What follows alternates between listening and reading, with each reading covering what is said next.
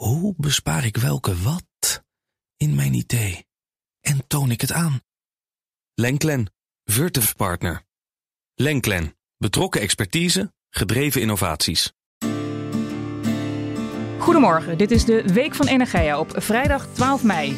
Ik ben Ilse Akkermans en bij mij in de studio is Hans van der Lucht, redacteur van Energia. Welkom Hans. Goedemorgen. We hebben het deze week over de Battleizer. Het eerste demonstratiemodel van deze waterstofproducerende batterij is geplaatst bij de gasgestookte elektriciteitscentrale Magnum van energiebedrijf RWE in de Eemshaven. Hans vertelt zo meteen welke mogelijkheden dit nieuwe type batterij biedt voor de energietransitie. Maar eerst kijk ik weer met hoofdredacteur Wouter Hielkema naar ander nieuws van deze week. En ook Wouter is weer bij ons in de studio. Goedemorgen Wouter. Goedemorgen Ilse. Welke onderwerpen sprongen er voor jou uit in het energienieuws van deze week?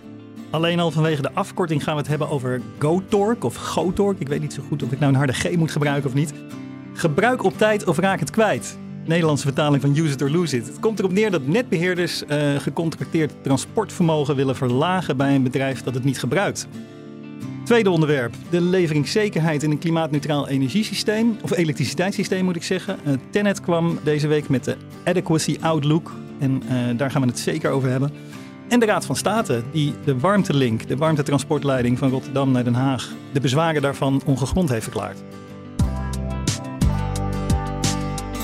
Ja, dat zijn weer heel diverse nieuwsonderwerpen dus. Het gecontracteerde transportvermogen kunnen verlagen als een aangesloten bedrijf minstens de helft daarvan langere tijd niet gebruikt. Dat willen de netbeheerders. En wat is erachter het idee, Wouter? Luisteraars van deze podcast of mensen die de energiewereld een beetje volgen, die weten dat er een congestieprobleem bestaat. Hè? De, de netten uh, lopen op sommige momenten lopen die vol. Mm -hmm. uh, en dan lukt het niet meer goed om vraag en aanbod bij elkaar te, te brengen. En er worden naar oplossingen gezocht. Nou, een van die oplossingen is nu dat GoTorque. Gebruik het op tijd of raak het kwijt. Use it or lose it heette dat. Hè? En dit zegt het eigenlijk al. Hè? Het, uh, netbeheerders willen de mogelijkheid krijgen om bedrijven die hun gecontracteerde capaciteit, hè, dus het uh, vermogen waarvan zij zeggen dat zij dat uit het net willen gaan trekken, als die dat lange tijd niet gebruiken, dan zeggen ze ja, dan kunnen we dat beter aan iemand anders geven. Dan komt er capaciteit vrij voor andere gebruikers. Krijgen we minder snel congestiegebieden? Kunnen we meer zonneparken aansluiten of meer bedrijfsuitbreidingen faciliteren? Hm. Ik zeg GoTorque, het is eigenlijk een Nederlandse afkorting. Ja? Dus precies. we moet de harde G zijn. Ja. Um, op dit moment mag dat dus nog niet. Um, daarom heeft Netbeheer Nederland een codewijzigingsvoorstel ingediend bij de ACM. Hoe moet dat eruit gaan zien? Ja, en ACM heeft dat nu gepubliceerd. Netbeheer Nederland uh, wil, en dan citeer ik even, dat als een aangeslotene langere tijd een substantieel deel van zijn gecontracteerd transportvermogen niet gebruikt heeft en ook niet kan aantonen dat hij dat op korte termijn alsnog kan, zal doen, dan wil Netbeheer Nederland dat contract wat hij met, met, met die partij heeft eigenlijk een beetje naar beneden bijstellen. Nou, er staan een aantal woorden in die, die eventjes toegelicht moeten worden. Hè. Wat is een substantieel deel? Nou, dat wordt gedefinieerd als, als 50% van de capaciteit. Dus op het moment dat jij een bepaalde hoeveelheid gecontracteerd hebt en je, en je gebruikt langere tijd minder dan de helft van wat je gecontracteerd hebt, dan zeggen netbeheerders, nou dan willen wij kunnen ingrijpen in dat contract en dat verlagen. Mm-hmm. Nou, wat is langere tijd? Nou, dat staat eigenlijk helemaal niet gedefinieerd. Uh, het lijkt erop dat de netbeheerders toch wel aansturen op heel veel maatwerk per bedrijf. Maar we kunnen toch wel een slag naar slaan. Hè? Uh, een tijdje geleden heeft Enexis geprobeerd om zo'n GoTorque GoTorque clausule uh, in, een, uh, in een contract met een, uh, met een zonnepark te krijgen. Mm-hmm. En daar zei Enexis van als jullie een jaar lang je gecontracteerde capaciteit niet gebruikt, dan willen we het naar beneden kunnen bijstellen. Nou, dat is een zaak bij de ACM geworden. En omdat het volgens de regels nog niet mocht, heeft het zonnepark dat gewonnen. Maar dus een jaar is ongeveer de termijn waar je aan moet kijken. Ik kan me ook wel voorstellen dat je als bedrijf of als netbeheerder alle seizoenen wel even voorbij wilt zien komen voordat je gaat ingrijpen. Ja, netbeheerders kunnen het gecontracteerde vermogen niet zomaar verlagen dus hè? Er zitten voorwaarden aan. Ja, uh, ten eerste gaat het alleen over hoge spanning of middenspanning. Het moet echt nodig zijn. Dat wil zeggen, de, de capaciteit die bij de een weggehaald wordt, moet echt nodig zijn om een ander te kunnen aansluiten. Um, dus de congestiedreiging moet reëel zijn. Hè. Er moet, moet bijna een congestiegebied zijn of de storingsreserve, hè, de, de vluchtstrook van het elektriciteitsnet wordt het wel genoemd, moet al gebruikt worden. Um, er zijn wel ook een aantal uitzonderingen. Uh, vitale processen of belangrijke maatschappelijke voorzieningen die zijn uitgezonderd. Hè. Ziekenhuizen die, die maar 50% van de capaciteit gebruiken, die worden echt niet gekort. Mm. En er is ook wel wat kritiek op, deze, um, op dit codewijzigingsvoorstel. Althans, uh, een, onze trilemma-auteur, Paul Giesbert, die zei van ja, eigenlijk is dit helemaal niet nodig. Want netbeheerders moeten nu al eigenlijk kijken naar wat er werkelijk gebruikt wordt. En niet wat er gecontracteerd wordt in hun netberekeningen. Dus hij zegt van ja, deze maatregel gaat helemaal niet zo heel veel opleveren. Netbeheerders geven hem daar wel gedeeltelijk in gelijk. In die zin dat ze zeggen, ja het klopt, we, we kijken naar de daadwerkelijke transportstromen en niet alleen naar wat er gecontracteerd is. Maar dat wil niet zeggen dat we alles wat nu op dit moment niet gebruikt wordt zomaar kunnen vrijgeven. Dus zij zeggen het gaat toch wel degelijk uh, soelaas bieden in deze congestieproblematiek. Ja. Dan gaan we naar je tweede onderwerp. Om leveringszekerheid in een klimaatneutraal elektriciteitssysteem te behouden, moet geïnvesteerd worden in nieuwe CO2-vrije gascentrales. Dat is nodig om langere periodes met bewolking en windstilte te overbruggen. Dat blijkt uit het rapport Adequacy Outlook van netbeheerder Tennet. Wouter, ja, periodes zonder zon en wind zijn enkele van de grotere uitdagingen van een energiesysteem met netto nul uitstoot. Hoe kunnen we die problemen volgens Tennet ondervangen? Ja, de adequacy, outlook, je, je, zegt het al in, goed Nederlands, als we dat ook even conform GoTork, even vertalen, dan uh, hebben we het over de adequaatheidsvooruitblik.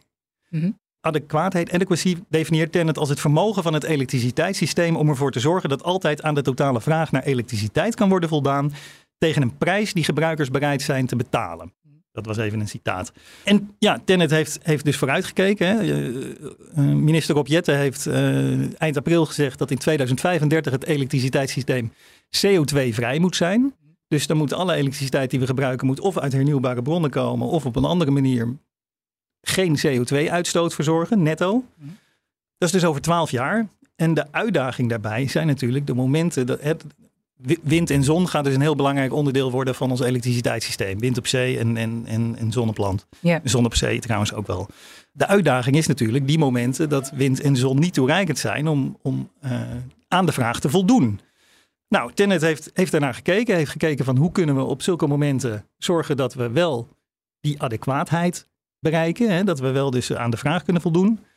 En die komen met oplossingen als uh, wat demand-side response genoemd wordt. Hè, dat is vraagsturing. Dus industrie gaat proberen zijn vraag in de tijd te verplaatsen. Of, of uh, ook grote, of, uh, hele grote groepen huishoudens. Mm -hmm. Import is natuurlijk altijd een belangrijke manier om, om te zorgen om je eigen tekorten aan te vullen. Ja. batterijen kunnen een rol spelen.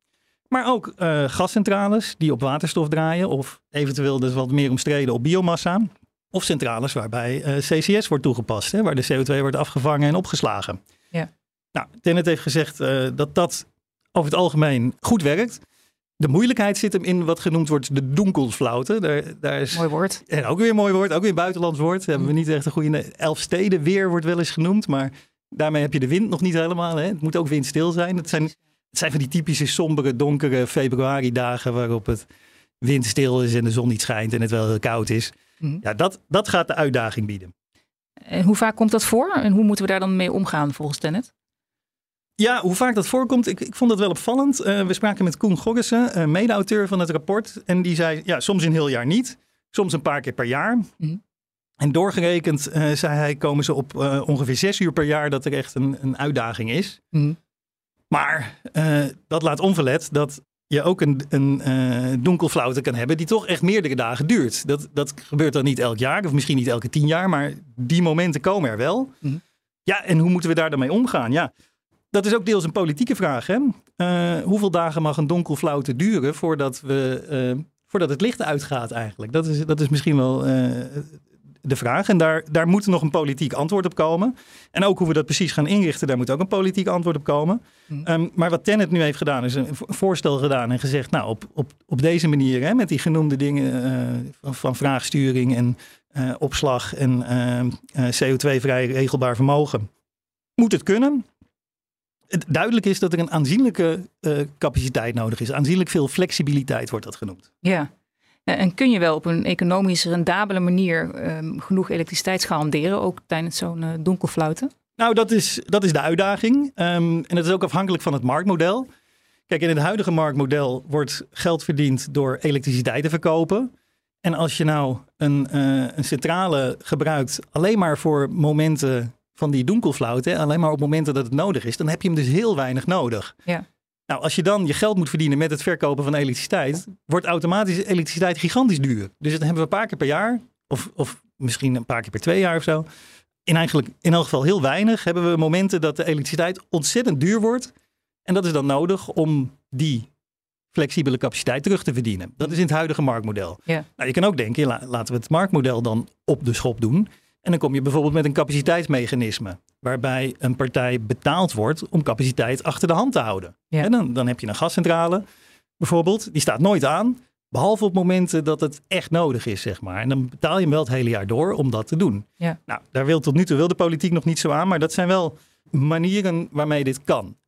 Mensen die dit interessant vinden, maandag komt een nieuwe voetnoten uit. En dan gaan eh, Sabine Sluiters en Letitia Oyer hier uitgebreid op in. Dan hebben we nog je derde onderwerp. De Raad van State heeft alle bezwaren tegen de warmtetransportleiding Warmtelink ongegrond verklaard. De leiding van 23 kilometer tussen Vlaardingen en Den Haag mag daarom worden aangelegd. Waar gaat het precies over, Wouter? Nou, inderdaad, wat jij zegt, die leiding van 23 kilometer tussen Vlaardingen en Den Haag, die moet er komen. Ehm, waarom? Het idee is dat daarmee restwarmte van de Rotterdamse industrie gebruikt wordt om woningen in Zuid-Holland te gaan verwarmen. Eh, daar wordt al ontzettend lang over gepraat. Er zijn allerlei manieren bedacht om die, om die aan te leggen. Dat is allemaal niet zo van de grond gekomen tot, eh, ik meen vorig jaar of twee jaar geleden. Hans, weet jij dat? Uh, ben ik even niet paraat, sorry. Niet paraat, nee. Nou, ik ook niet. Laten we zeggen, twee jaar geleden kreeg GasUnie de opdracht om die leiding daar maar aan te gaan leggen. Mhm. Dus ja, over dat project hebben we het. Warmtelink. Ja, en wie maakte daar dan bezwaar tegen, tegen die aanleg? Nou, er zijn een aantal. Eh, de gemeente Den Haag, de Stichting Den Haag Fossielvrij, het lokale warmtebedrijf CMAG of CMAG, Bomenstichting Den Haag, Woonstichting Stadion en Heijmans Vastgoed en Stichting Gemeentebelangen Energievoorziening. Nou, wat, wat is dan hun bezwaar? De, de tegenstanders vragen zich voornamelijk af van is die warmte wel duurzaam? Die, die zijn eh, erg bang voor een fossiele lock-in noemen ze dat. Als je de vervuilende industrie gebruikt om huizen te verwarmen, ja, dat betekent dat je de industrie, die moet dan wel blijven. Nou, daarmee zeggen ze ja, dus daar wordt een legitimatie gezocht om die industrie uh, in Nederland te houden. Dat, dat vinden tegenstanders vinden dat geen goed idee. Voorstanders zeggen juist van ja, die industrie die staat er nu en allerlei warmte verdwijnt daar via de schoorstenen gewoon in de lucht. Wat ontzettend zonde dat we dat niet gebruiken. Laten we dat naar woningen uh, uh, transporteren om daar um, die woningen mee te verwarmen. Daar zijn we heel zinnig bezig. Ja. En dus ja, dan, dan wordt dat, ja, of dat dan duurzaam is of niet, is misschien niet zo relevant. Het is in elk geval wel efficiënt. Ja. Dan hebben we ook nog uh, de vraag van, ja, hebben we het wel daadwerkelijk over echte restwarmte of hebben we het over af, aftapwarmte? En restwarmte is, wat ik net zei, dat is warmte van een industrie die anders via de schoorsteen verdwijnt. Mm. Aftapwarmte, dat is warmte bijvoorbeeld van verbrandingsinstallaties, afvalverbrandingsinstallaties, die, die uh, een belangrijke bron voor warmte zijn voor deze warmtelink, die minder elektriciteit gaan produceren om die warmte te produceren. Dus daarvan zeggen de tegenstanders weer van ja, dat is helemaal geen rest, restwarmte, dus dat is ook niet helemaal duurzaam. Zowel voor voorstanders als voor tegenstanders is, is wel wat te zeggen. En het kwam dus bij de Raad van State. Ja, en die heeft dus alle bezwaren ongegrond verklaard. Kun je daar wat meer over uh, zeggen? Ja, inderdaad. Nou, de Raad van State heeft gezegd van of dit nou duurzame warmte is of niet, dat is eigenlijk niet relevant in deze rechtszaak. Uh, het is een politiek-bestuurlijke afweging. En uh, de rechter moet zich daar verder niet mee, mee bemoeien. Alle vergunningen zijn gewoon zorgvuldig voorbereid, zijn goed gemotiveerd. Alles is volgens de wet gegaan. Dus de Raad van State zegt, dit project mag gewoon doorgaan. Dankjewel, Wouter Hielkema. Het eerste demonstratiemodel van een waterstofproducerende batterij, de Battleizer, is geplaatst bij de gasgestookte elektriciteitscentrale Magnum van energiebedrijf RWE in de Eemshaven. Over welke mogelijkheden dit nieuwe type batterij biedt voor de energietransitie praat ik met redacteur Hans van der Lucht. Hans, de Battleizer dus. Een waterstofproducerende batterij. Wat is dat? Kun je daar wat meer over vertellen? Ja, de Battleizer is gebaseerd op een heel oud type batterij. Thomas Edison vroeg daar in 1901 uh, patent op aan. Het is uh, de zogeheten nikkel-ijzer batterij. Een hele solide batterij die heel lang meegaat. En gemaakt van materialen die niet schaars zijn. Mm. Maar uh, deze batterij had twee nadelen. Energiedichtheid is niet zo hoog als uh, bij moderne batterijen. Zoals lithium-ion batterijen die alle moderne draagbare elektronica mogelijk hebben gemaakt. Mm. En uh, een, een, ander nadeel was, als hij vol is, begint de nikkel-ijzer batterij vanzelf waterstof te produceren als je stroom erin blijft pompen. Dus ja, tweede helft vorige eeuw is langzaam het gebruik daarvan afgenomen van deze batterij. Maar vorig decennium dacht hoogleraar Foucault Mulder aan de TU Delft. Wacht eens even, dat nadeel, dat kan nog wel eens een voordeel blijken te zijn. Hij is opnieuw naar de nikkel-ijzer batterij gaan kijken. Eh, omdat we A, eh, heel veel eh, flexibele opslag nodig hebben. Elektriciteitsopslag bij de energietransitie. Mhm. Grote stationaire batterijen die eh, her en der in het elektriciteitsnet eh, staan. En, en de, de volatiliteit, volatiliteit van wind en zon kunnen opvangen. En eh, er is een grote behoefte aan waterstof voor het produceren van eh, koolwaterstoffen eh, eh, in de chemische industrie. Mhm. En voor eh, als energiedrager eh, de CO2-vrije centrales, eh, waar Wouter eerder over sprak bijvoorbeeld, zouden op waterstof kunnen draaien.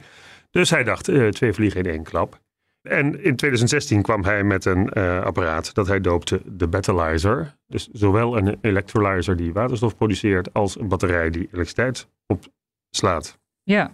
En hoe werkt zo'n battleizer? Of misschien moet ik vragen, eh, wat is het voordeel ervan vergeleken met een electrolyzer?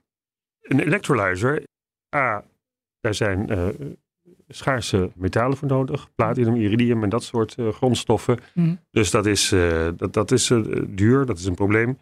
En een nikkel-ijzer batterij, nou ja, dat zijn geen schaarse grondstoffen. Ja. Dus ook goedkoper en, en ja, er zullen minder problemen bij rondom staan. Ten tweede, een electrolyzer heeft eigenlijk baat bij een stabiele elektriciteitsinvoer. Dus juist die volatiliteit die toe gaat nemen, is eigenlijk voor een electrolyzer helemaal niet, niet zo'n eh, fijn model. Terwijl eh, de, de nikkel-ijzerbatterij eh, sterk genoeg is om daar tegen te kunnen. En vervolgens is het dus de- zowel voor de elektriciteitsopslag als voor de waterstofproductie bruikbaar. Hij kan eh, omdraaien, hij kan in plaats van stroom opnemen, kan die stroom leveren als er eh, opeens schaarste is op het net. Dus eh, ja, dat biedt veel meer flexibiliteit dan met eh, elektrolyse om overschot aan hernieuwbare stroom op te vangen. Ja, nou staat er dus een demonstratiemodel van de battleizer bij de Magnum Centrale van RWE in Eemshaven. Wat is het doel daarvan? Het is vooral om, om klanten over de streep te strekken, om te, te laten zien hoe het werkt op grote schaal. Het, het apparaat wat eh Fokker Mulder in 2016 presenteerde was een stoeptegel groot. Dat is één, één stack, zoals ze dat noemen. Eh, Mhm. Dit is een, een, een groot model. Dus potentiële klanten kunnen komen kijken. En eh, RWE wil gaan experimenteren ook met hoe de batterij functioneert in het elektriciteitssysteem. Met hè, zowel de invoer als levering, het omschakelen steeds. Dus, dus ja, demonstreren, laten zien en, en proberen hoe, hoe een verdienmodel daarop te, is te baseren. De waterstof die daar geproduceerd wordt, volgens nog, die eh, gebruikt eh, RWE zelf in de centrale. Eh, volgens de woordvoerder van Battleizer, het bedrijf wat dus tegenwoordig die dingen produceert, Ja. wordt dat gebruikt voor de koeling van de generatoren. Dus dat is nog niet het verdienmodel. En wat voor vermogen heeft zo'n batterij? Het bedrijf Battleizer Systems, dat dus tegenwoordig deze dingen maakt en waar ook de eerder genoemde Fokker Mulder aan verbonden is als chief scientist, wilde eigenlijk verder niet zoveel over zeggen. dus, dus dat is het geheim van de smid vooralsnog. Maar wel, Concurrentiegevoelige informatie? ik weet het niet. Ja. Wel werkt het bedrijf aan, aan eh, grotere modellen. Eh, het bedrijf is gevestigd in Schiedam. Daar willen ze, eh, wat ze noemen dan de Battleizer 250, willen ze gaan produceren komend jaar. Mhm. Eh, die zou een vermogen moeten krijgen van 1 tot 5 megawatt. Dus dat is de hoeveelheid stroom die het op een, bepaald moment eh, kan innemen. En de opslagcapaciteit zou ongeveer eh, gelijk moeten zijn. Dus dat eh Mhm. 5 megawatt vermogen en dus een opslagcapaciteit dan van 5 megawattuur. Eh, die zou volgend jaar vanuit Schiedam leverbaar moeten zijn. Daarna volgt een nog groter model, de Battleizer 1000. En dan zegt Battleizer, dan hebben we het over eh, echt grote projecten eh, van minstens 50 megawatt vermogen. Eh, maar daarvoor moet eerst nog een nieuwe fabriek gebouwd worden. Daarover is men al eh, in gesprek eh, met eh, het havenbedrijf. Dat zou bij eh, het bedrijventerrein M4H, dat zijn de Merwe 4 havens in Rotterdam. Op dat terrein, op dat gebied zou, de, zou die fabriek moeten komen. Ja. ja en de battleizer is ontwikkeld door een Nederlandse universiteit, TU Delft. En wordt ook in Nederland gemaakt. In Schiedam en zometeen dus ook in de Rotterdamse haven. Is het een, eh, is het een puur Nederlands feestje? Ja, vooralsnog toch eigenlijk wel. Het is eh, ontwikkeld door de TU Delft. Hoofdaandeelhouder van Battleizer Systems is nu eh Kolen Industries. Dat is het bedrijf van eh, Kees Kolen, die ooit eh, geld verdiende met Booking.com en sinds een jaar of vier zich op de energiemarkt richt. Mhm. De fabriek in Rotterdam, waar we het over hadden, die zou een capaciteit moeten krijgen van 1 gigawatt. Mhm. Als je kijkt naar het doel van de Nederlandse regering, 6 tot 8 gigawatt elektrolysevermogen in 2030, dan zou het als een achtste minimaal van die capaciteit zou in die fabriek gemaakt moeten worden. Ja. Eh, dus dat klinkt wel als een Nederlands feestje. Maar eh, er is verder ook een, een heel internationaal consortium wat al samenwerkt met Battleizer System. Daarin zitten Vattenfall, uh, Ørsted, Yara, BASF. Dus ook grote internationale bedrijven die blijkbaar ook geld erin zien. Ja. Uh, ja, Battleizer System is geen, geen beursgenoteerd bedrijf. Dus hoe verder precies die zakelijke verhoudingen zitten, daar geeft het bedrijf niet zoveel inzicht in. Alleen dat dus inderdaad Colin Industries wel de hoofdaandeelhouder is. Ja. Wat in ieder geval zeker is, is dat elektriciteitsopslag een hot topic is. Uh, 11 mei, uh, gisteren uh, lanceerde de TU Delft een nieuw platform E4 Battery Delft. Uh, waarmee het ook een toekomstbestendige, duurzame batterij wil ontwikkelen. Die van grondstof tot eindproduct volledig uit Europa komt. minder afhankelijk zijn van, van landen buiten Europa, waar we liever niet te veel intieme relaties mee willen. Dat wordt nog steeds meer een item. Dankjewel, Hans van der Lucht. Dit was de Week van Energia met de laatste ontwikkelingen in de Nederlandse energiesector. Op energia.nl lees je meer. Volgende week slaan we een weekje over in verband met hemelvaart en op vrijdag 26 mei zijn we er weer. Ik ben Ilse Akkermans, fijn dat je luisterde en tot dan.